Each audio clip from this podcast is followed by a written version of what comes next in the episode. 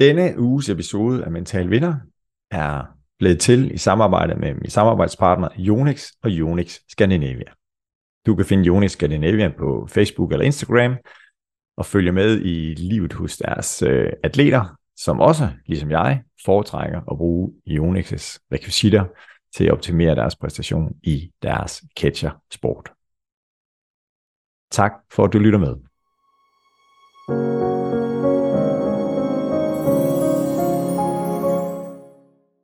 Velkommen til en ny episode i Mental Vinders podcast. Jeg sidder i Mental Vinderstudiet, og min gæst i dag, han sidder i sit hjem i det fynske, og øh, hvad kan vi sige om ham? Vi kan sige om ham, jeg kan sige om ham, at han er en fighter. Jeg har kendt ham i plus 20 år, og øh, han har humor. Han er et menneske, der tænker positivt. Og så er han en, som gang på gang rejser sig op igen, hvis det er, at han bliver slået ud eller slået ned. Ikke sådan fysisk, men, men i hvert fald bliver udfordret på sit helbred, som han er, og det vil, dele, det vil han dele med os senere. Han er også et menneske, som tager sig tid til andre mennesker. Tid til at lytte og tid til at være for dig. Så min gæst i dag er Erik Kolmos. Velkommen til, Erik. Tak skal du have. Så Erik, jeg har inviteret dig med, fordi at vi skal snakke omkring at være en mental vinder og have mental styrke. Og der, hvor du er i dit liv i dag, der er du ramt af sklerose, og øh, det har du så været i mange år, det vil du helt sikkert dele med os øh, om lidt her. Og øh, det har i hvert fald påvirket dit liv og din dagligdag, og helt sikkert også de mennesker, der er omkring dig. Men alligevel de gange, hvor jeg har set dig gennem de seneste 5, 10, 15 år, jamen så møder jeg dig altid med et, et smil på læben og en lun bemærkning. Du har også lovet, at uh, du nok skal dele nogle røverhistorier, så det, det glæder jeg mig til. Og du har også sagt til mig, jamen, at du også ramt så meget af skelerosen nu her, så siger, jamen, det kan være, at vi skal have en pause undervejs, og så gør vi det. Det var jo, det er klart. Ja, det er så godt. Erik, der hvor du er lige nu her, vi optager faktisk dagen før juleaften.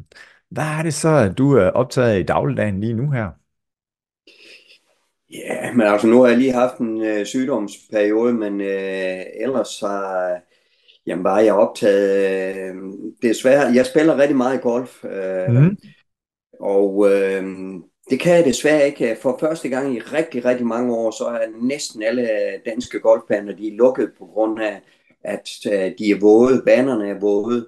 Og da jeg jo ikke kan gå på banen, øh, men har brug for et køretøj, så er de helt lukket for sådan nogen som mig. Altså når ja. de begynder at åbne igen, så begynder de at åbne for, at man må gå på dem.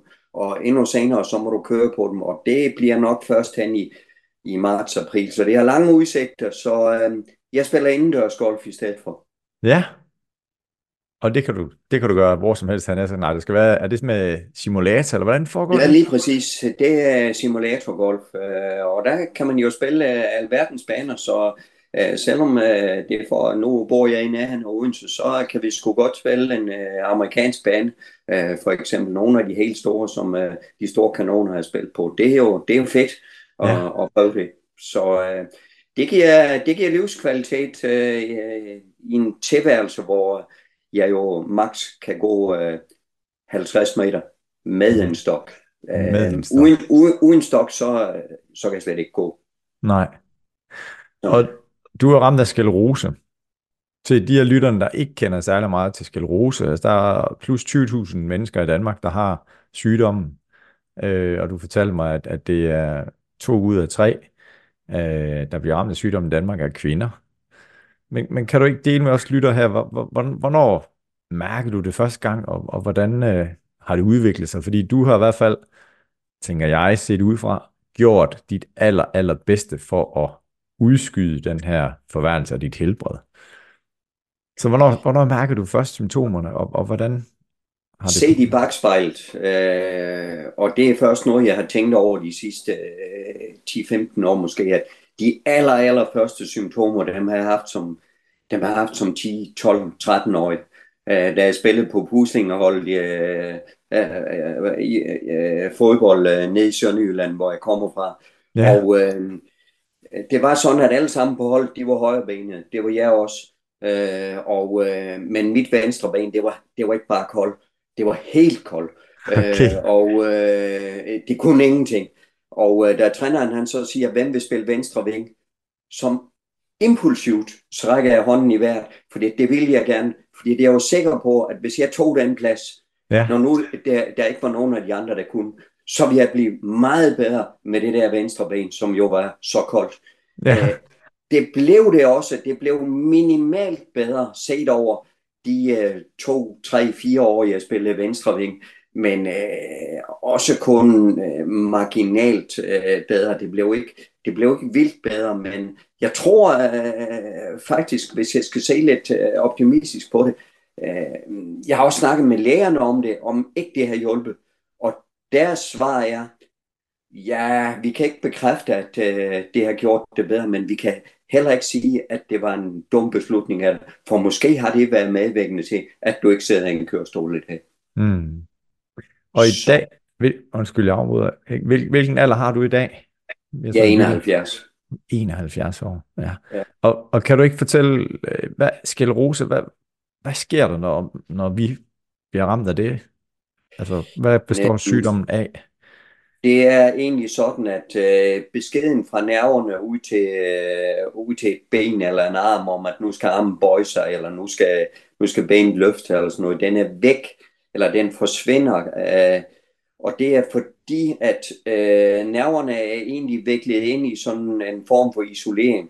Og den isolering, som hedder myelin, mm. øh, den forsvinder gradvist. Øh, den harskner og forsvinder hos øh, sklerosepatienter. Og det har den så også øh, gjort ved mig. Det startede som nogle attacker, som det gør ved rigtig mange. Øh, og så er det gået over i det, der hedder en progressiv del nu, så jeg har det, der hedder sekundær progressiv øh, sklerose, så det bare langsomt bliver værre og værre. Okay. Mm. Og, og du fortalte mig, inden vi gik på her, at, at en af de gange, hvor du havde været til en rigtig god fest hos en af dine venner, så vågnede du op dagen efter, og så kunne du ikke se noget. Nej, og det, det, det var det første sådan rigtig synlige, øh, kraftige øh, symptom øh, på sklerosen. Jeg var blevet øh, ansat på en efterskole, og vi havde sendt eleverne hjem øh, på sommerferie, og så skulle vi ellers have en lærerfest. Ja. Og øh, der, fik vi, øh, der fik vi rigeligt at drikke, og øh, der vågner næste øh, morgen efter kun en 3-4 timers øh, søvn, så, øh, så sker der det, at øh, øh, så vil jeg sgu ikke se, da jeg vågner om morgenen. Det er, det er, jeg er bare, bare nærmest, øh, jeg vil ikke sige, at jeg er blind, men jeg, jeg har fuldstændig togsyn. Og øh, jeg tænker ved mig selv, hold nu kæft, tænker jeg. Er det, øh, er det hjemmebrændt, det vi har fået over ved Claus i går? øh, og øh, øh, jeg går ikke lige umiddelbart til, det er, en, øh, det er en lørdag morgen, jeg går ikke lige umiddelbart til læge, det gør jeg først mandag morgen, og hvor det ikke er blevet øh, en disse øh, bedre, og så øh, bliver jeg sendt øh, videre til øh, øjenlæge, og jeg bliver sendt videre på øh, til en neurolog på sygehuset, og han siger, det her, det, øh, det tyder øh, på debuten øh, på noget sklerosesygdom. Okay. Så siger han, hvad så? Øh, hvad så? Hvad, jamen, hvad laver du? Jamen, øh, jeg er idrætslærer, og dyrker du idræt selv? Ja, jeg spiller noget divisionsbadminton, og jeg løber også en del. Ved du hvad, du er helt færdig med at dyrke idræt, sagde han. Du kan godt stadigvæk være lærer og være øh, badmintontræner, men du er helt færdig med at dyrke idræt. Og, øh, Hvor gammel ja, er du? Der? Undskyld. Der er 6, 26 er jeg på det tidspunkt. 26, okay. Ja, 25, 25 måske. Jeg kan sgu ikke huske det. 5, 26. Ja. Og øh, jeg hører, øh, jeg er jo autoritetstro, så øh, mens de andre går i gang med badminton-sæsonen, der, øh, der nøjes jeg med at, at være træner. Og øh, da det er gået i, i sådan nogenlunde i orden igen med, med syn, det, det bliver langsomt bedre over en halvårig periode. Mm. Så jeg mhm. begyndt at, at, at gå nogle lange ture, for lidt motion synes jeg alligevel, jeg skal have. Og øh, så er der en god ven også, der siger til mig, ah, men øh, et eller andet skal du da lave, du skal, øh, du skal da røre dig lidt, kunne du ikke tænke dig at spille golf? Og ja. det, var jeg, det var jeg ikke meget for, fordi øh, øh, i mine øjne var det dengang, vi jo øh, 40 år plus tilbage, ja. øh, 45 år tilbage, så, der havde jeg et billede af, det var kun de rige, der spillede golf. Ja. Så, øh, så jeg afslog det i første omgang, men øh, senere sagde jeg ja tak til det.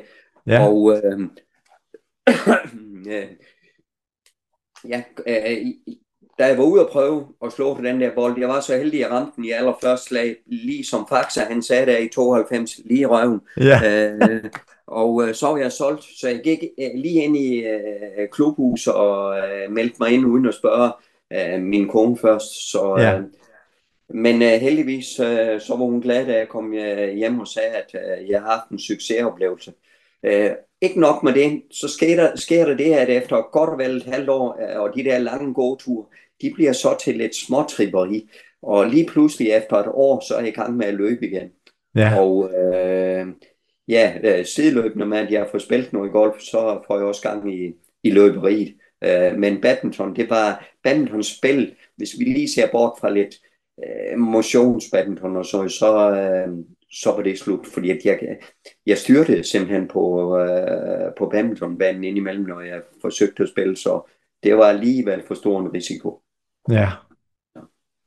Badminton, det er jo vores fælles passion og interesse, og vi har jo øh, haft fornøjelsen af hinanden på det, som i gamle dage blev kaldt for Nyborg-kurserne, som netop var, dengang hed Badminton Danmark, Danmarks Badmintonforbund, eller Dansk Badmintonforbund, DBF, hvor ja. at, øh, det var en hel uge øh, lang med, med trænerkurser og uddannelser.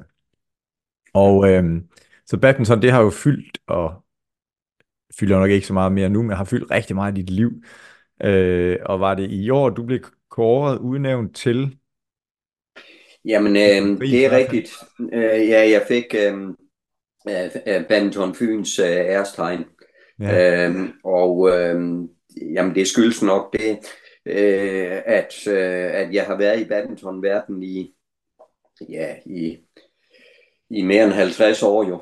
Øh, ja. i, fem, I 55 år. Jeg var, jeg var badminton-træner helt nøjagtigt 55 år i træk.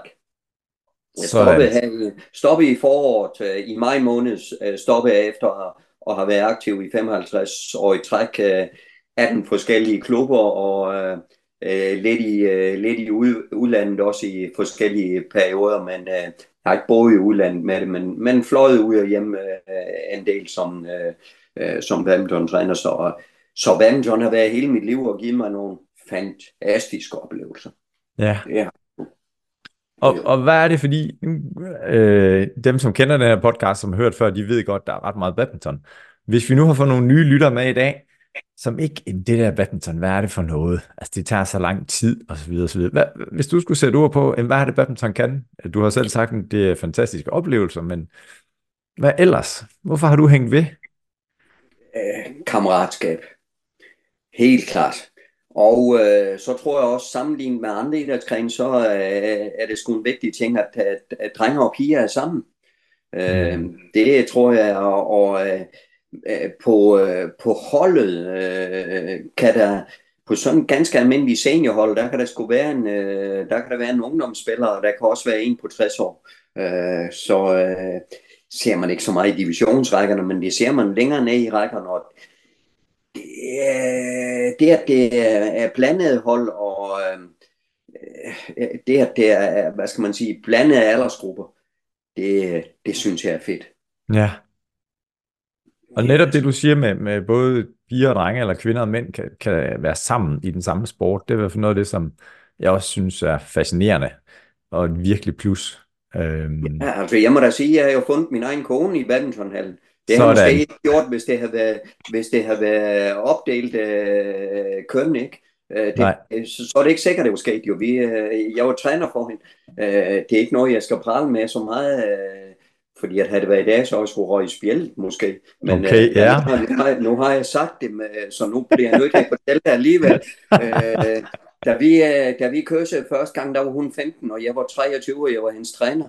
Ja. Øh, det, er jo, det er jo et underviserforhold, det er jo fandme ikke gået, gået i det. Slet Nej. ikke. Så, øh, så, så har det jo røget i samtlige landes aviser, hvad ved jeg.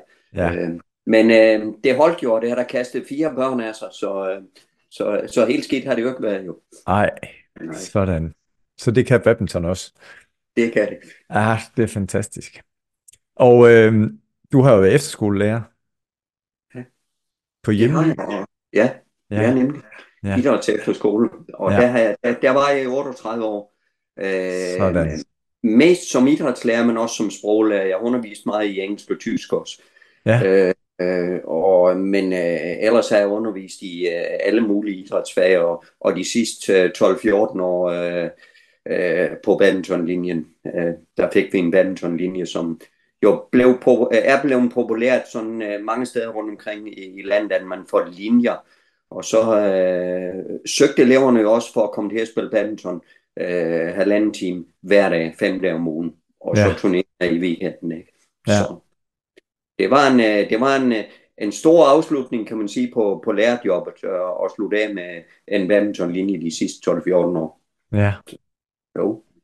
Hvordan, når du nu har været i siger jeg, skoleverden, og det er jo ikke helt rigtigt, for det er jo efterskoleverden, men, men i hvert fald, at hver eneste gang, vi kommer til at snakke om lærer i, i den her podcast, så er jeg meget opmærksom på at hylde vores lærer, og dermed også dig, fordi Kære lærer, I gør så stort et stykke arbejde, og jeg synes ofte, at I simpelthen ikke får skulderklap nok for den opgave, som I løser. Hvordan oplever du, at, øh, nu, nu skal jeg lige formulere det rigtigt, men at det står til med vores ungdom? Altså, fordi du har jo oplevet, nu siger jeg forskellige generationer, men i hvert fald gennem årene, at de elever, som har været på efterskolen, Øhm, kan du se, der er en udvikling, eller det er faktisk det samme i 80'erne, som i 90'erne, som i 0'erne, som i 10'erne. Nej, altså det er selvfølgelig, at der sket en, øh, en udvikling. Det, er, det er klart, at øh, da jeg startede i 77 som, som efterskolelærer, der de, de første mange år, der mistede vi ikke nogen elever. Nu, nu mister efterskolerne jo en hel del elever i løbet af et skoleår. Det er, det er der mange grunde til. Altså hjemmevæg, øh, eller specielt pigerne har øh, måske en, en ældre kæreste derhjemme, øh, som de øh, skal hjem til. Og øh, sidst men ikke mindst, øh, så må vi også være ærlige og sige, at øh, mobiltelefonen øh, er også lidt skyld i det. Hvis det er, at mm, øh, man synes, at øh, læreren er dum, jamen øh, så øh, beder man om at få lov til at gå på toilettet, og så ringer man til mor øh, ja. i arbejdstiden, og så fortæller hun øh, eller han til, øh, til mor, øh, hvor dum læreren er, og, øh, og så videre. Og så sker der ellers det, at allerede i frikvarter, der kan vi være sikre på, at så får vi en opringning øh, fra mor eller far. Og øh, lige netop det, at man øh, så hurtigt, når man er ked af det, kan ringe hjem, øh, og så siger forældrene, ah, jamen, det skulle du da ikke være, jeg er ked af det, nej, så kom dog hjem. Mm. Det er lidt ærgerligt. Tidligere der skulle man altså have fat i nogle mønter ja, til at komme i møntautomaten. Og ja. så, øh, så klinger det der altså af. Så, øh, men ellers, øh, det er sgu ikke over, det, det er ikke de unge menneskers skyld. De er stadigvæk øh, søde og rare. Jeg har, jeg har nydt det lige så meget de sidste, de sidste år, som jeg har øh, nydt de første år som, øh, som efterskole øh, ja. lærer. Øh, det største problem har været øh, at måske at der har været nogle forældre, der har haft øh, svært ved at stikke fingrene i jorden, og så lige øh, vente med at og, og gribe knoglen og, og, og ringe til læreren. Mm. Ja.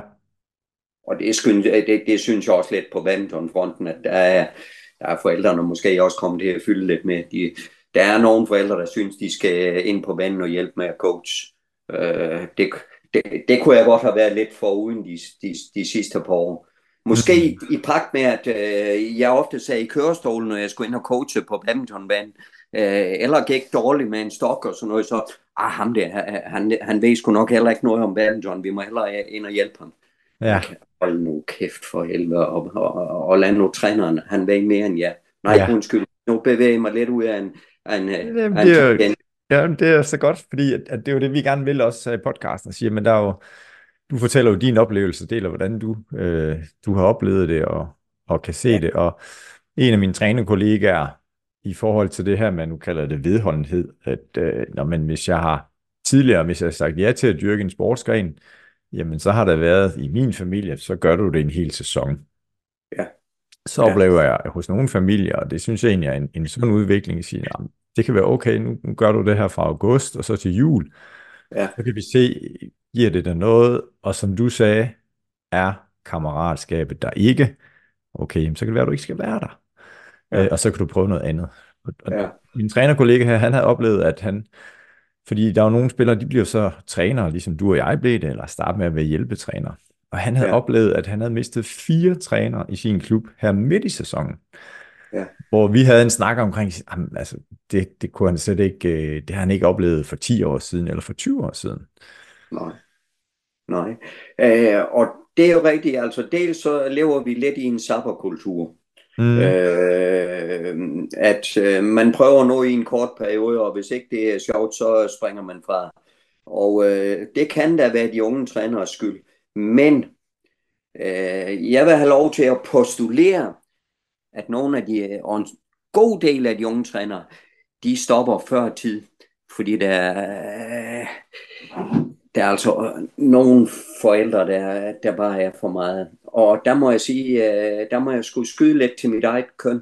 Øh, Hvis de der unge trænere, de er med ude i en weekend til øh, en åben turnering, og skal ind og coache, så må jeg sige, at så er det ofte, at farmand til barnet også lige skal ind og give sit besøg med.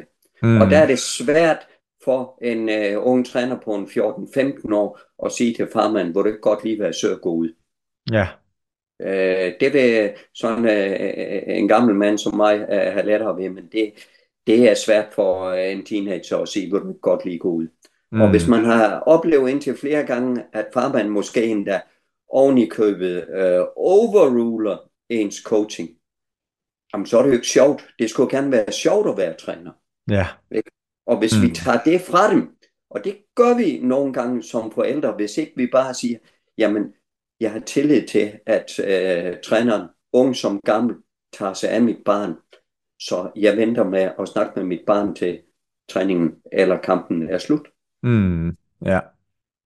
Jeg synes, det er et interessant emne, og en af mine andre gæster, som du også kender, Ron Daniels, øh, som har været træner i mange år, og nu er bosiddende i Vietnam, men har Ja. været i Danmark også i mange år. Han berørte nemlig den her situation med, at, at der er nogle forældre, som er engageret, og i min øh, optik, så alle børn i den vestlige verden i hvert fald er ønskebørn i dag. Og det vil sige, at der er nogle forældre, som ønsker det bedste for deres børn. Og det er jo et helt fantastisk fundament. Og det, som så nogle gange kan være udfordring som for forældre, jamen det er jo, hvad hjælper dit barn bedst på den korte Ja. bane og på den lange bane.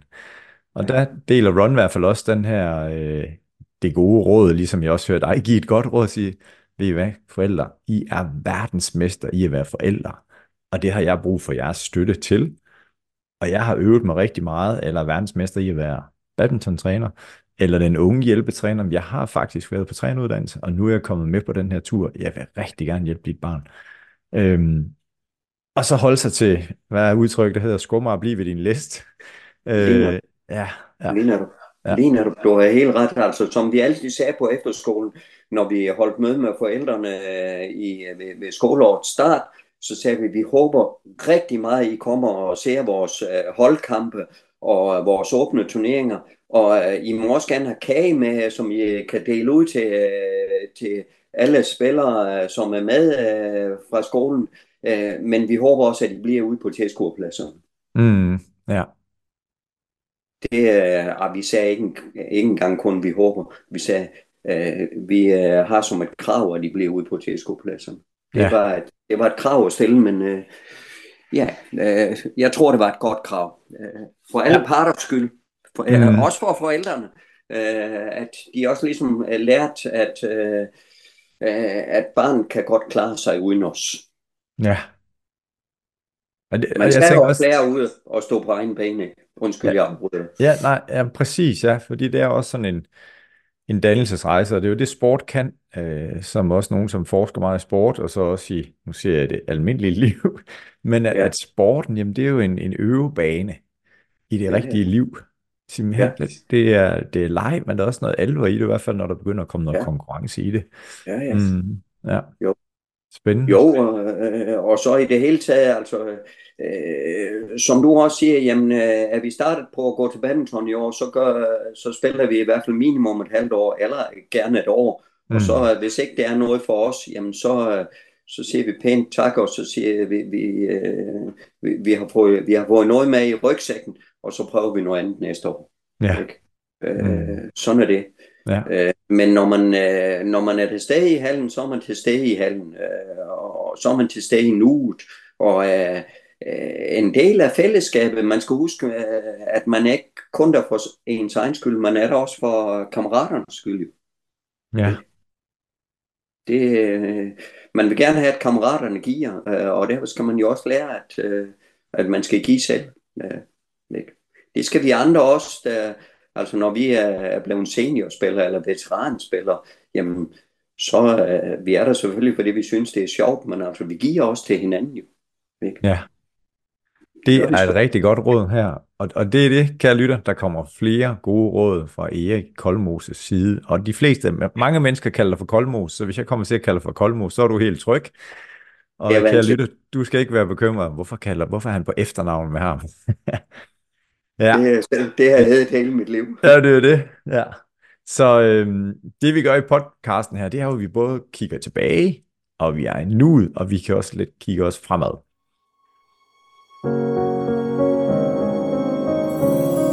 Så Kolmos, nu øh, har jeg et spørgsmål her, så jeg er spændt på at høre, hvad du, hvad du svarer.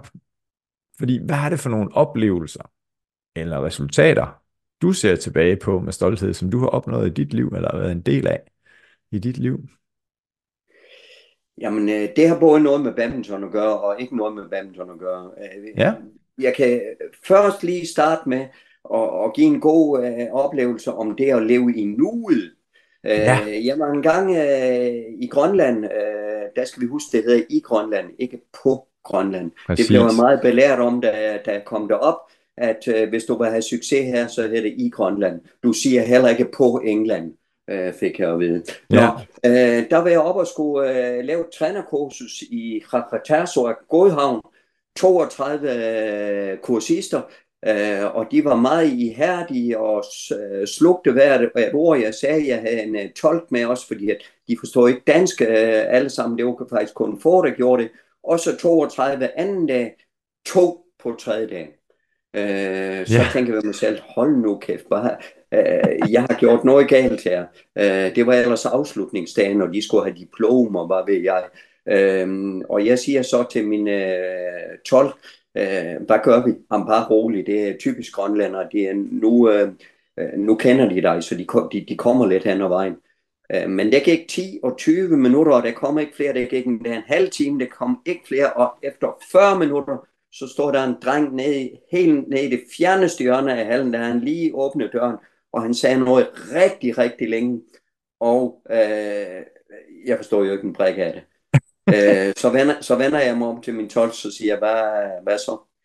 Vi kan godt pakke sammen, sagde han så. De har skudt en valg. Ja.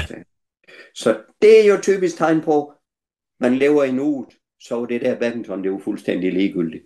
Ja. Det er jo meget, meget vigtigt at komme ned på havnen og få del i den der valg. Ja. Og øh, det skal vi måske øh, nok, øh, vi glæder os til, øh, vi glæder os til weekenden, vi skal ud og spille, og øh, vi glæder os til, at det bliver juleferie, vi glæder os til vinterferien, sommerferien, og hele tiden så, det er også godt at have noget at glæde øh, os til, men vi skal også huske at leve i nuet. Ja. Det kan ikke nytte noget, at vi kun øh, hele tiden tænker på det, der skal ske i morgen, eller i næste uge, eller næste år. Nej, vi skal glæde os over nuet. Det er, det er vigtigt. Også i badmintonhallen. Mm. Ja. Så øh, nævner du, hvad har jeg ellers sådan øh, oplevet? jamen i, i pagt med, at, øh, at mit, øh, min sygdom den øh, udviklede sig, så, øh, så sagde jeg sgu til mig selv en dag, jeg var ude at løbe, det var den 30. november, øh, i starten af det her årtusinde, kan jeg huske, jeg tror det var den, det var i 2003, øh, så sagde jeg mig selv, nu skal jeg prøve at se, om jeg ikke kan løbe hver anden dag i december. Øh, bare en lille tur på minimum to kilometer. Ja. Og øh, der var nået frem til den 15. december, der havde jeg løbet hver dag, plus den sidste dag i november, altså 16 dage i træk, og jeg havde et snit på omkring 9 km per dag. Så tænker jeg ved mig selv, ah, det er da godt nok øh, ærgerligt at skulle stoppe nu. Skulle du ikke prøve at se, om du kunne løbe hver dag i december? Det endte jeg så med, øh, gennemsnittet faldt lidt, så kom der en, øh, en skiferie, men øh, ah, skal vi ikke lige prøve 50 dage i træk? Og de øh, 32 dage i træk blev til 50 dage i træk, og øh, på skiferien, der måtte jeg jo så op klokken 6 om morgenen og på med pandelampen, fordi et skiløb, det er jo ikke det samme som løb. Nej. Og øh, for at gøre en lang historie kort, lige pludselig, så har jeg løbet hver dag i et helt år.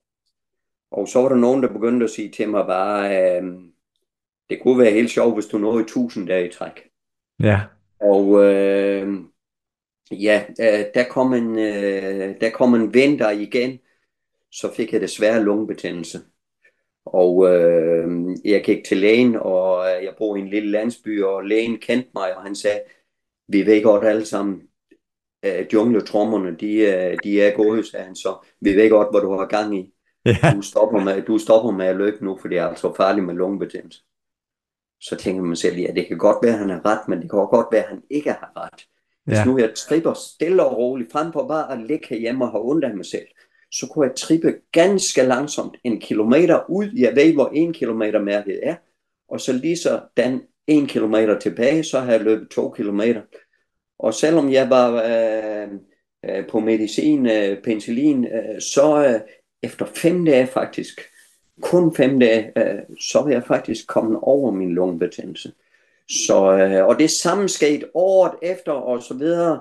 Og igen for at gøre en lang historie kort, lige pludselig så har jeg løbet 990 dage i træk med flere skiferier øh, undervejs og øh, med to lungebetændelser øh, og var kommet godt igennem det. Og så ringer telefonen en dag. Ja, goddag, det er Hans Pilgaard. Er, du, er du den gale mand over på Fyn, der er ude og øh, løbe hver dag? Ja, det var da rent nok, jeg var ude og løbe hver dag. Kunne du ikke tænke dig at komme ind i god aften Danmark og fortælle dem det? Ja. Og på den måde så, uh, jeg havde lige rundt 1000 dage, da jeg var inde uh, i God Aften Danmark, og uh, så bliver jeg spurgt, hvad så, er du stoppet? Ah, jeg har ikke kunnet stoppe, siger jeg, så uh, jeg kan godt nok ikke løbe så langt mere, som jeg kunne for, for 1000 dage siden, men uh, jeg løber stadigvæk. Han var så målt nu, og der tog han mig lidt med bukserne ned, men ja. jeg, skulle ligesom, jeg skulle ligesom få sagt noget, som var spiseligt. Så jeg, jeg sagde fire et-taller, altså 1111. Ja. Og det nåede jeg også, men det blev farligere og farligere. Mit, øh, jeg, har, øh, jeg har en dropfod på mit dårlige ben, venstre ben, og ja. øh, det betød, at øh, jeg tog altså nogle styrt ind imellem. Ja. Og øh, da jeg havde nået 1450 dage, og endnu en gang kom hjem med, øh, min kone stod inde i stuen og ventede på, at jeg skulle komme hjem, øh, og hun ser det, jeg kommer ind i indkørslen, og blodet det løber øh, ned af kenderne på mig. Ja. Så kommer hun, så lige pludselig så står hun ude på trappen, og så løber tårerne ned af kenderne på hende, og så siger hun, vil du ikke godt stoppe ved 1500 dage i træk, for vi vil gerne have dig mange år endnu. Ja. Og det gjorde jeg så. Jeg trippede stille og roligt de sidste 50 dage, bare to kilometer hver dag. Ja. Så de 1500 dage blev til et gennemsnit på 4,6 kilometer og nogle meter øh, hver dag. Men øh, alligevel, så øh, når jeg snakker med lægerne om det, så siger, de, så siger de alligevel, hvor er det godt, du har holdt dig i gang, og det der løbeprojekt, det, det var også med til, øh, at du, skubbede øh, kørestolen øh, nogle år fremad. Ja. Ja. Så, så det har været, det, det har også været en af de der øh, jeg har sat, øh, sat mig sådan nogle mærkelige milepæle, men som har været med til helt sikkert at holde mig oven vande, også holde mig glad, øh, ikke mindst for min, øh, for min egen skyld, men så sandelig også for min families skyld. Ja. Og mine elevers skyld, min badmintonspillers skyld. Ja. Mm. Og du talte jo tidligere omkring det her med vigtighed, vigtigheden i at så give noget øh, netop det her kammeratskabet i, i badmintonverdenen, det kunne også være i fodboldverdenen eller rollespilsverdenen. Øh, og det hørte også sige her, jamen også for min families skyld og for mine elevers skyld. Altså, hvordan, hvordan tænker du i forhold til, at nu snakker vi om ungdom nogle gange, hvor det er sådan lidt en sabberkultur, hvis det ikke lige passer mig, nej, så vil jeg da hellere det her. Altså, hvor opmærksom er du på at, at være noget for andre mennesker, kontra at være noget for dig selv? Jamen, øh, jeg har det sådan, at selvom øh, jeg er fysiologiske, øh, sygdomsmæssige grunde er stoppet som badmintontræner, så er jeg stadigvæk frivillig. Øh, altså hvert år, der er Danmark åben, så hjælper jeg til, og så går jeg lidt sammen med nogle andre mennesker der, primært til ældre mennesker. Men uh, der er også nogle uh, unge med, og så får jeg snakket uh, lidt med dem. Der er også tidligere elever, uh, der dukker op, uh, og så får vi snakket lidt om det. Og uh, jamen, så synes jeg også, uh, jeg passer tit uh, børnebørn, så uh, jamen, alt det jeg kan, uh, forsøger jeg, og hvad skal man sige, uh, give, give lidt, ikke kun af erfaring, men uh, af det at, at forsøge at hvad skal man sige, øh, øh, udstråler noget glæde. Øh, jeg havde engang for mange, mange år siden en ung kollega på skolen, der sagde til mig, der har jeg været omkring de øh, 40-50, og han var lige helt nyuddannet øh, midt i 20'erne. Der sagde han til mig, vi skal huske altid at give 100% af os selv. Det kan godt være, at vi kun får 80 tilbage, men hvis vi kun giver 80 af os selv, så får vi måske kun 80 af de 80 tilbage. Ja. Så det er jo et tegn på, jo mere du giver, jo mere får du også tilbage. Ja. Jo mere du så, giver, jo mere får du også tilbage. Det er ja. altså godt. Ja. Det gør du sgu. Mm. Det, øh, og det kan godt være, at man synes en gang, men ah, de er, øh, det, det, det er en sabberkultur og så videre. Ja, men øh, det bedste vi kan gøre, det er at, at, at hjælpe øh, de unge mennesker med at måske øh, blive øh, i det, de øh, nu er i gang med nu, øh, og øh, skabe hvad skal man sige, øh, skabe glæde i nuet. Øh, hvis det nu for eksempel er badminton, ikke? Jamen, så lav en god badminton-træning for dem. Det, mm. det, det, det er sgu det vigtigste øh, for os som, som træner, at, øh, at hver træning skal, skal helst være, være god. Man skal ja. tage hjem, man skal tage glad hjem fra træning og, og, og sige, jeg synes, jeg lærte noget i dag. Ja. Jeg fik Dejlig indspark. Jeg fik et trænerens opmærksomhed. Man skal huske, det at snakke med, med spillerne, det behøver ikke altid at være fagligt. Man kan også godt snakke med spillerne om, hvad de har lavet i skolen i dag, eller øh, ja, hvad som helst. Hvor, øh, hvordan går det? Øh, øh, har, du, har, du, har du dyrket noget andet øh, end badminton? Har du spillet en fodboldkamp på nylig, hvis man ved, at de spiller fodbold? Hvordan gik det her? Alt ja. sådan noget small talk, det er sgu vigtigt. Ja. Og uden jeg har stået i samme hal som dig, Kolmos, og set dig som træner, men i hvert fald de snakker, vi har haft, og, og min fornemmelse også, når vi har været på undervis på kurser sammen, jamen, så er du den træner, der lige har det ekstra øh, icing on the cake, eller lige den der med, at ej, jeg spørger også lige til dig, ud over dit badmintonliv.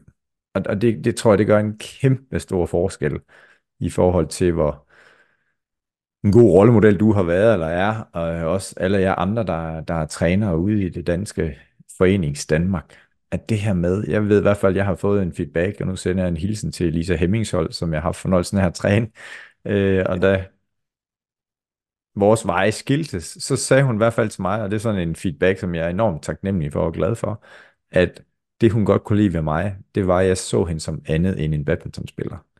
Altså det er lige nok det, det som du siger, så spørger hvordan går det i skolen? Eller når du ikke er til badminton, hvad er du så optaget af?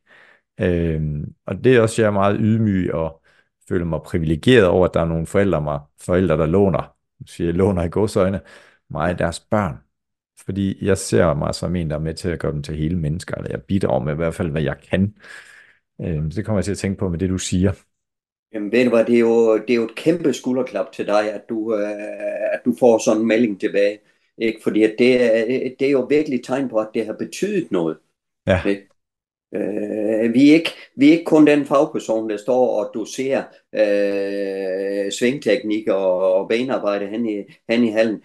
Vi er også den person, som de kan, øh, måske hvis de har kæreste sove eller nogen andre sove, kan øh, tage en snak om øh, før eller efter træning. Øh, eller måske midt i træning. Ja, ja. Mm. Det er vigtigt. Det, ja, så alle jer kære trænere i Forenings Danmark, I gør en forskel. blive ved med det gode arbejde. Helt sikkert. Ja. Helt sikkert. Det er nu, så vigtigt. Ja.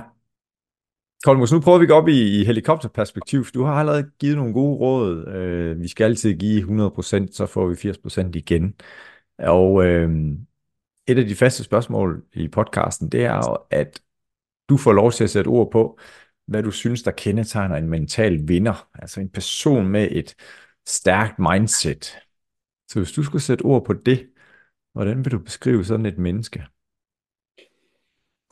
Åh, det, er, det er så svært, fordi at det er, er også øh, er jeg sikker på forskelligt fra person til person. Men øh, jeg tror, jeg tror, det er godt at, at sætte sig nogle, øh, nogle mål.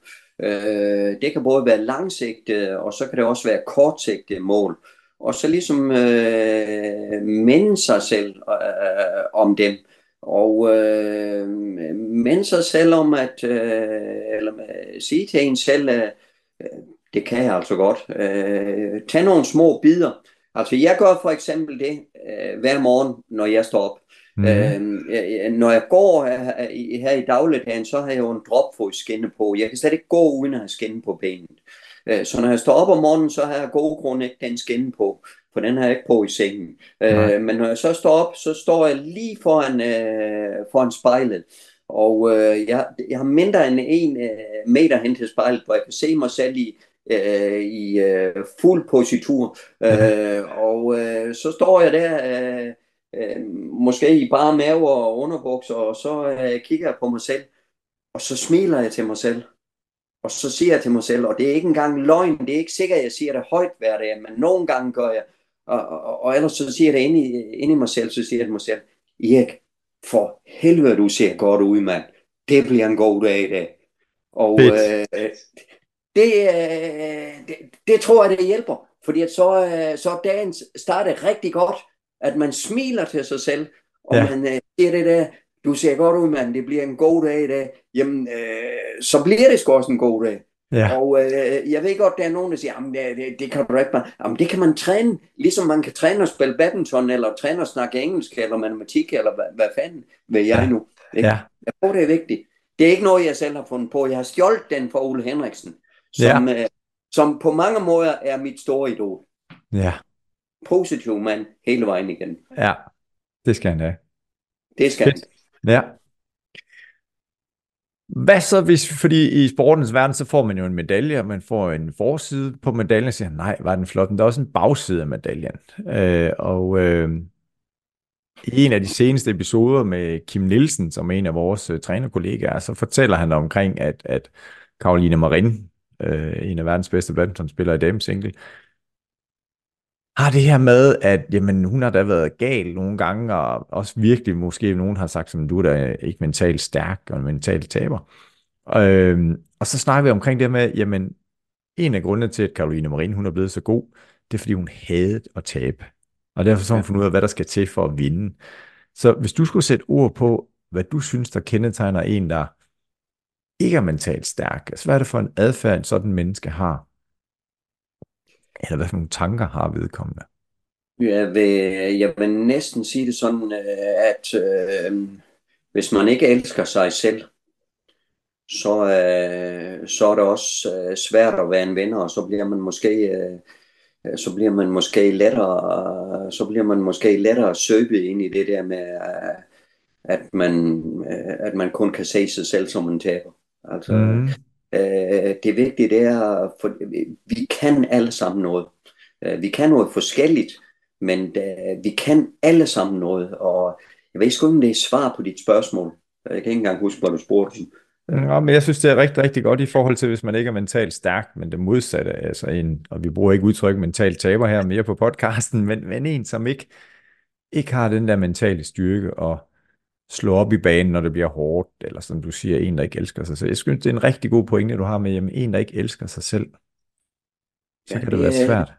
Det er sgu vigtigt. Jeg siger ikke, at man skal have sin modstander, øh, overhovedet ikke, men øh, man skal have tiltro, øh, og man skal have glæde ved, ved sig selv og det, man kan. Og jo mere jeg tror på, at, øh, at det, at du har stor tro på dig selv, og også glæde ved dig selv, og glad for det, du gør, og øh, både her og nu og så videre, så er din, øh, så er din læringskurve også øh, bedre, hvis du er glad for dig selv. Ja. Det tror jeg. Uden at kunne bevise det. Ja. Mm. Hvordan har du som, som far til fire børn, hvordan har du og din, din kone øh, ser præget, eller jeg tænker, I har været rigtig, rigtig gode rollemodeller i forhold til det her med at elske sig selv kan være et stort udtryk for nogen, men sige, jeg er faktisk god nok, og for andre kan det være for meget, så sige, jeg er okay. Altså, hvordan har I præget jeres børn i forhold til at sige, du må gerne elske dig selv, du er god nok, du er skabt til noget, du kan noget? Jamen, øh, det, øh, jeg kan ikke sætte ord på, hvordan vi har gjort det. Vi er, har ligesom øh, andre sportsforældre, så har vi hævet dem med ude i badmintonhallen øh, og på golfbanen og øh, andre steder, og øh, så har vi ligesom forsøgt selv at være gode rollemodeller og være glade, når vi har, når vi har dyrket idræt. Øh, og øh, ligesom fortalt dem, øh, når de også har spillet øh, eller dyrket noget sport, at rost dem og sagt, der kan du bare se, hvis, øh, hvis du ellers går til det med, med et positivt sind, så kan, du, så kan du jo selv se resultatet. Frem for ja. måske så meget, at du ser og siger, du skal bare gøre sådan, og du skal gøre sådan og sådan.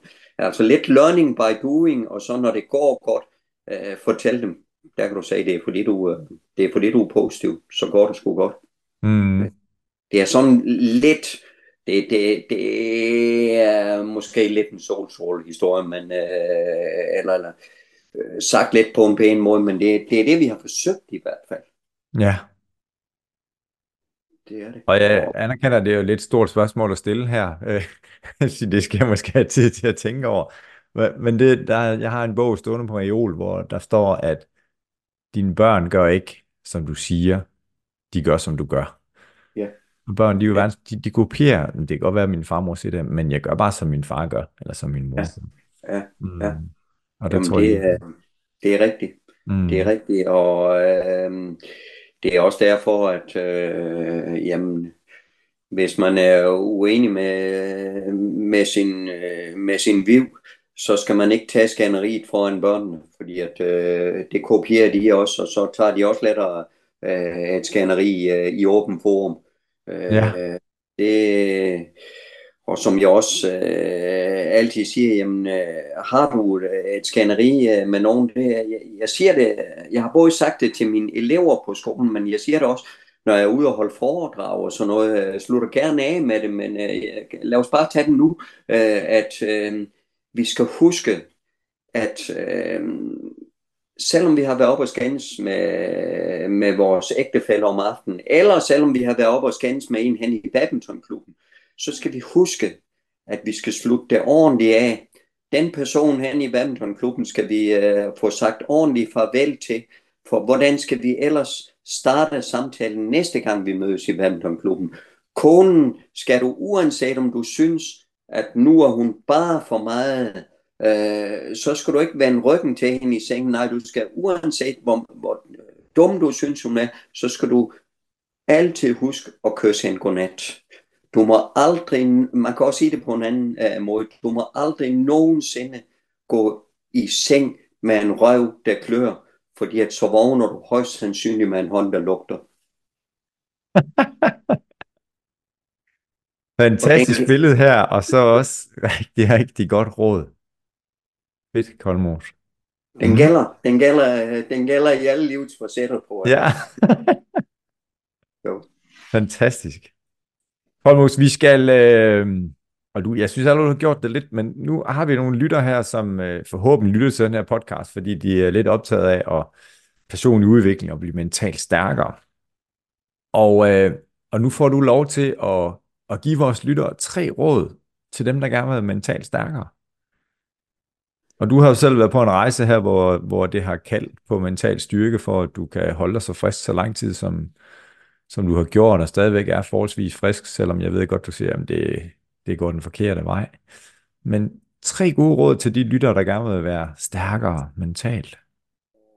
Øhm, forsøg at stå glad op.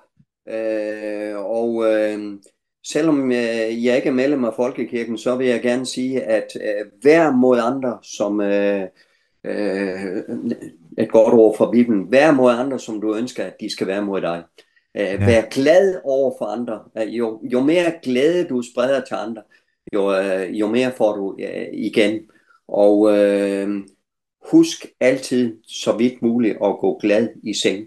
Få øh, en diskussion ordentligt overstået, øh, få øh, øh, en hæftig diskussion i badmintonklubben, få den øh, overstået på, så du også tager glad øh, hjem fra sportshallen, så, øh, jamen, øh, så, er, øh, så er du selv din bedste medicin. Ja. Så der er noget glæde her. At, det må du i hvert fald nævnt jo nogle gange, den, den følelse, det billede jeg får, okay, glæden den kan bare noget. Også i forhold til det, jeg giver ud, som du siger, men det får jeg også igen. Øhm... Helt vildt. Helt, helt vildt meget. Altså, det er, det ja. er så vigtigt. Ja. Øh, det har man ikke sagt, at man skal være lalleglad, men altså, øh, øh, man kan godt, øh, selvom, øh, altså, øh, der er jo mange, der vil sige, at sådan som jeg har det, hold nu kæft, det er, ja, i bund og grund, så er det, så er det værre end problematisk, men jeg har jo et fedt liv, og øh, det overbeviser jeg mig selv om hver dag, og det har jeg sgu også. Altså, øh, blandt andet at sidde og snakke med dig her, øh, Bjørn, det, øh, det er sgu da fedt. Altså, det minder mig om, at, at livet er fedt. Ja. Og, og vi, øh, os der ikke kender dig, eller dig, der, de lytter, der ikke kender dig, tænker, okay, han har det da egentlig godt liv, og du fortalte jo også inden at sige, jamen, øh, at det kan altså være, at vi skal afbryde, for jeg skal ud og tisse, fordi du tisser mange gange i døgnet. Øh, og også din, din hukommelse også øh, påvirker af det her med, at, din langtidshukommelse har det, har det sværere end tidligere, og at du kunne gå 50 meter, eller endnu kortere. Så, så der er jo rigtig, rigtig mange ting, som hvor andre mennesker måske vil bukke under, eller sætte sig over i hjørnet og sige, giv mig en tudekig, fordi livet er det forfærdeligt. Altså, det må jeg sige, det beundrer jeg hos dig, at du finder det positivt. Tak skal du have. Det er jeg glad for, at du siger. Meget. Mm-hmm. Øhm, og øh, jamen, øh, øh, fordelen altså, vi har livet til låns, så øh, vi, gør, vi gør livet meget nemmere for os selv, hvis vi, øh, hvis vi forsøger at, at se det positive i, i hverdagen. Øh, og også selvom man har kritisk sygdom, jeg har jo haft kritisk sygdom i 45 år, ikke? Øh, og, og, og følt det mere eller mindre hver dag. Nu føler jeg det jo ikke bare hver dag, men jeg føler det hele tiden. Men igen, hold nu op, man. Altså, prøv nu at, uh, at tænke på, uh, hvor mange dejlige stunder man kan, man kan have med hinanden alligevel, både med uh, ægtefælde, med familien i det hele taget, og også med, med venner. Uh, altså, alle dem, jeg har spillet badminton med, dem tager på kaffebar med nu, uh, ikke? Ja. Og så ser vi der og fortæller de samme historier igen og igen, og vi griner lige meget hver gang, selvom det er den samme historie igen. Ja. Så det er sgu da også en del af livet. Ja, okay. fantastisk. Du nævnte det, der kendetegner en, en mental vinder, hvor du snakker noget omkring at sætte mål. Og det får mig til at tænke på med det, du fortæller der også. Jeg set udefra på sidelinjen, så har du jo forsøgt at gøre dit liv indholdsrigt på mange måder, men også det her med at sætte dig nogle nye mål, når vi snakker golf. Ja.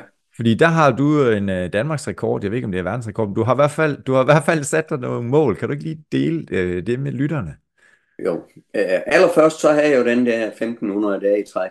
Så lige umiddelbart efter, at, uh, hvor jeg løb, så uh, lige for at, at gøre det færdigt, inden vi tager golfen, uh, så uh, uh, laver jeg faktisk uh, et vedmål med, med en person en gang om, at, eller ikke et vedmål, men en aftale om, at vi skulle cykle. Jeg havde solgt min sidste rejsecykel og var faktisk lidt ked af, at nu skulle jeg ikke cykle på rejsecykel mere. Så sagde han, du har da købt en ladcykel. Øh, skulle du ikke tage og, og, og, og køre lidt mere på den? Så blev vi enige om, at vi kører altså fra Sydfyn og så til, til Skagen i uh, sommerferien. Så det gjorde ja. vi. 300, 357 km kørte vi på, uh, okay, ikke, på, ikke i et stræk, men på uh, uh, seks cykeldage og uh, syv cykeldage og seks overnatninger. Ja. Øh, og øh, øh, det blev til året efter, at jeg cyklede Fyn rundt på den samme øh, tunge ladcykel, med el vel og mærke, men med laveste hjælp af, af batteriet, øh, 4 km længere, af de asfalterede øh, landeveje, der ligger tættest på kysten på Fyn, der cykler jeg så Fyn rundt 361 km. Så sagde jeg til mig selv, nå, hvad nu? Uh, nu havde jeg jo, uh, da jeg cyklede til Skagen, der havde jeg faktisk øh, der havde jeg faktisk øh, spillet min golfklub nummer 100. Det var også ligesom et mål, at jeg skulle spille halvdelen af de danske golfklubber. Jeg vidste ikke, hvor mange der var. Jeg mente, der var nok cirka 200. Så der spillede øh, min golfklub nummer 100, det var Frederikshavn Golfklub. Den spillede jeg to dage efter, at vi var øh, ankommet til Frederikshavn. Øh, og øh, så var der en ældre øh, elev, øh, der ligesom, han kom hjem, han bor i Toronto, han kom hjem på forretningsrejse, så sagde han bare, det gjorde han året efter, at jeg havde spillet øh, de der 100. Ja. Så siger han, hvor mange er du nået op på? Jeg er nået op på 119. Så har du fundet ud af, hvor mange det er? Ja, det er 189. Det er der ikke mere, der er kun 186 nu, men dengang ja. var det 189. Ja. Så siger han, jamen så mangler du kun 70. Skulle du ikke se at blive færdig? Så siger han, ved du hvad, de ligger jo spredt over hele Danmark, øh, også ud på øerne og sådan noget. Jamen, øh, ved hvad, jeg giver dig noget sponsorstøtte og øh, så laver vi et vedmål, så, øh, øh, så skal du være færdig i løbet af to år. Det var i 18, det her, i februar 18, at vi lavede det her, øh, ja. øh, hvor han sagde det der til mig. Så sagde han, hvad så, øh, jeg vil godt tage imod det, men hvad så, hvis det er til, at, øh, at jeg ikke når det med udgangen af 19? Jamen, så betaler du bare støtten tilbage, sagde han. Ja. Øh, og det var altså mange tusind kroner. Ja. Øh, så med udgangen af, af 19, der blev jeg så færdig med at spille uh, de uh, 189 golfklubber, som der var dengang. Og så var det jo ligesom, så blev alt sådan ligesom, nu har jeg nået endnu et mål, hvad så? Ja. Og så gik jeg der med et års tid og fik spillet lidt golf og spillet, ja, meget golf faktisk. Jeg har, jeg har faktisk lige i år, der har jeg spillet, uh, for 13 år i træk har jeg spillet uh, minimum 100 runder om året. Uh, og det gjorde jeg så også der i, i 120, eller i uh, 1920 så sagde jeg til mig selv, nu skal jeg være den første hjem. Jeg spiller revl og krat, altså også øh, alle par tre baner. Dem, som er rigtige golfspillere, ikke gider at spille, som kun begynder at spille. Ja. Også de private baner, og, alle, og, og dem er der cirka en, dem er der cirka en 170-80 af. Så øh, i, øh, i lige netop nu, jeg mangler 16, og dem bliver jeg færdig med næste år, hvis helbredt vil så øh, har jeg spillet revl og krat i Danmark. Det er altså sagt, Koldmus. tak skal du have. Tak. Ja. tak. Men, og, og i forhold til det her med, fordi jeg hørte dig sige, hvad skal jeg nu? Fordi nu har jeg jo cyklet Fyn rundt, nu har jeg jo cyklet til, til Skagen. Og du fortalte også, da du begyndte at løbe, hvornår var det, at den her drøm, og drøm er ikke det rigtige udtryk, idé løbe 1500 dage, det vil sige et mål. Hvornår, hvornår opstod den der tanke, ej, 1500, det vil også være fedt? Det var ikke noget mål, altså det var, i første omgang, så var det et mål at løbe øh, 100 dage. Mm. Så blev de 100 dage, så var målet, det var et år. Ja. Så mål to år. Nej, 500 dage, sådan var det. Så blev det til to år. Så blev det til 1000 dage. Og så blev det til 1111 ja. fire taller og så blev det til 1500, det, og grunden til at jeg stoppede ved 1500, det lover jeg jo min kone ved 1450, ja, fordi præcis. jeg havde så mange styrt. Ja. Så, og så var det, at jeg måtte sætte mig et nyt mål, og det nye mål, jamen, øh, det blev så, øh, det blev så cykelturen til Skagen. Ja. Øh, og øh, samtidig at, at, at spille øh, halvdelen af de danske golfklubber. Ja. Det, næste, det næste mål, det blev uh, cykel uh, Fyn rundt af de asfalterede veje, der ligger tættest på kysten. Ja, på kysten. Um, så fuldendte ja. Uh, det næste mål igen, det var at spille alle danske golfklubbers opvisningsbane. Mm. Uh, og uh, det næste igen, og det er så det, jeg er i gang med nu, det er at, at spille uh, alle de bitte små baner. Nogle, nogle steder er der måske kun tre huller, andre steder er ni huller, eller 12 ja. huller, eller et eller andet. Ja. Og det er det, jeg er i gang med nu. Og, mm. det er forhåbentlig bliver færdig med øh, i sommer, senest i sommerferien. Ja. Og til dig, kan lytter, når du har lyttet til en række forskellige af de her podcasts, og, og Kolmus, du sagde det også selv, jamen det her med at definere en mental vinder, der er jo mange forskellige bud på det. Men det jeg i hvert fald sidder med øh, og tænker nu her, Kolmus, i forhold til at nå mål, jamen så har du i hvert fald beskrevet en, en metode, som har fungeret rigtig, rigtig godt for dig, at du har delt dit mål op i små bidder, og hvis vi nu tager de 1500 dage med løb, jamen det var ikke noget, som, som det startede med 30. november, så jamen, skal jeg lige løbe hver anden dag, så fandt du ej, jeg løber altså hele december. Og øhm, vi tager snart hul på et nytår. Når du lytter til den her episode, så er vi allerede inde i 2024. Men det er også lidt at kigge tilbage på, hvad er det, jeg har gjort? Hvordan har jeg nået nogle mål i mit liv? Og finde den metode, der virker for dig. Og hvis du er blevet inspireret af Eriks metode her, netop med at dele den op i små bidder, så er jeg sikker på, at du gerne vil stjæle den metode fra Erik. Det tror jeg, han støtter helt op om. Det gør jeg. Mm. Det gør jeg helt bestemt. Ja. Kolmus, vi skal snart til at runde af, fordi, og tiden den er bare flot afsted, men øh, med dig, kære lytter, du skal også videre med din dag. Og der er jo lige nogle spørgsmål, vi skal igennem her, og det første kommer nu, Kolmus. Fordi nu får du mulighed for at give dit yngre jeg et godt råd. Og vi har snakket om de her efterskoleelever, som du har arbejdet rigtig, rigtig meget med. Men hvis du nu får muligheden for at give dit yngre jeg et godt råd, hvordan vil rådet så lyde? Og hvilken alder har du på det tidspunkt, hvor du tænker, det har været godt, hvis den yngre Erik Koldmos har fået det her råd? Åh oh, ja, mm, det, det ved jeg ikke, om jeg overhovedet kan, kan svare på. Altså øh, et vigtigt øh, råd vil i hvert fald øh, være øh, at leve i nuet. Det, det, det, det er meget vigtigt.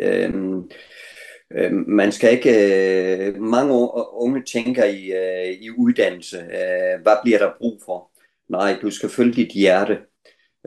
Du skal ikke tænke på, hvad der bliver brug for, fordi at billedet ser helt anderledes ud allerede om fem år. Så øh, leve i nuet, og øh, øh, som jeg sagde før, øh, vær god ved andre, øh, så får du rigtig, rigtig meget tilbage. Øh, og forsøg, øh, forsøg så vidt muligt at, at være glad. Øh, fordi at øh, jo, jo, jo mere glad du er, jo mere smitter det, og jo mere får du øh, også tilbage. Det er ikke sikkert, at du får lige så meget tilbage, som du giver, men jo gladere du er, jo mere glæde får du øh, tilbage til dig selv. Det, ja. Og der er jo ikke noget som at møde glade mennesker. Og det er du et levende eksempel på. Tak. En, der giver glæde. Mm. Og nu ved jeg ikke, om jeg allerede kender svaret på det næste spørgsmål. Det, det får vi jo høre, men i hvert fald, øh, spørgsmålet det lyder sådan her. Nu får du muligheden for at give dit ældre jeg et godt råd. Så hvordan vil rådet lyde til dit ældre jeg, og hvornår vil du give det her råd til den ældre Erik? Jamen, øh, øh, rådet til den ældre mand, øh, som sidder her nu øh, og snakker med dig, Bjarne, det er keep moving. Øh, selvom jeg næsten ikke kan bevæge mig, så mm. øh, det at blive ved med at bevæge sig, øh, det, det er vigtigt. Det gælder også åndeligt i øvrigt. Øh, stadigvæk øh, sætte sig ind i nogle ting, være nysgerrig, øh, lære nyt. Øh, man bliver aldrig for gammel til at, at, at, at lære nyt, men øh, også holde kroppen i gang, øh, selvom Øh, selvom man dårligt nok kan gå, så kan man, øh, så kan man godt lige gå en lille tur bare rundt om huset måske. Og hvis ikke du kan det, så rundt om køkkenbordet øh, i hvert mm. fald. Øh, så øh, hold os i gang, såvel fysisk, øh, og det er det, jeg vil sige til mig selv. Hold dig i gang, både fysisk og mentalt. Det er et godt råd. Endnu et. Kolmo, som gæst i podcasten, så får man også mulighed for at sende en invitation til et andet menneske, som du tænker, ej, jeg kunne godt tænke mig at høre Bjarne have en samtale med det her menneske i forhold til mental styrke. Okay. Så hvem kunne du godt tænke dig at skulle invitere ind i Mental Vinderstudiet? Jamen, det skal jo, det skal jo være en dansker, jo ikke? Øh, ikke nødvendigvis. Nej. øh, fordi øh, Jamen ellers, øh, så kunne det godt være min, øh, min, min gode øh, gamle øh, elev i, øh, i øh, Canada, som nu har slået sig ned i Canada og virkelig har fået succes med eget firma øh, i Canada efter at have boet over i, ja, han boet nu i en, i en 15-20 år. Øh, mm. Og øh, det, øh, jeg er sgu imponeret over, at han øh, rejser derover og slår sig ned og har lavet sit eget lille firma, men har virkelig fået øh, succes med det, og øh, det, det, jeg er glad for at se, at en, en tidligere elev har, har fået så meget succes, at, øh, at han kan leve af det, og leve godt af det. Og hvad hedder? Han hedder. Lars Bensen. Lars Bensen. Det er noteret. Ja. Ham skal vi se, om vi kan få til at være med i Mental Vinder podcasten. Ja. Fedt, Goldmos. Vi har været vidt omkring. Uh, er der noget her, du tænker, det her, det vil du godt lige dele med lytterne til sidst, inden vi sender dem ud på en fortsat god dag? Jamen, øh, først og fremmest så, øh, jeg ved godt, det her, det kommer måske først i efter jul, men øh, jeg vil da ønske alle sammen en, øh, en rigtig glædelig jul. Og ellers så i, alle, i det hele taget øh, ønske alle sammen en rigtig, rigtig god hverdag, som, øh, som Dan Torell han sagde engang, jeg holder af hverdagen, og det, det skal vi huske lidt mere, at holde af hverdagen. Så rigtig god hverdag til alle sammen. Og det er så fint et sted at slutte den her episode. Til dig, kære lytter, tak for at du er med os på den her mental vinderrejse. I næste uge gør vi det igen. Og øh, Husk lige at dele den her episode, hvis du synes, den er værd at dele, hvor vi har haft besøg af dig, Erik. Tusind tak for, at du var med. Og øh, alt det bedste til jer. Pas på hverdagen. Husk at leve i hverdagen. Hej.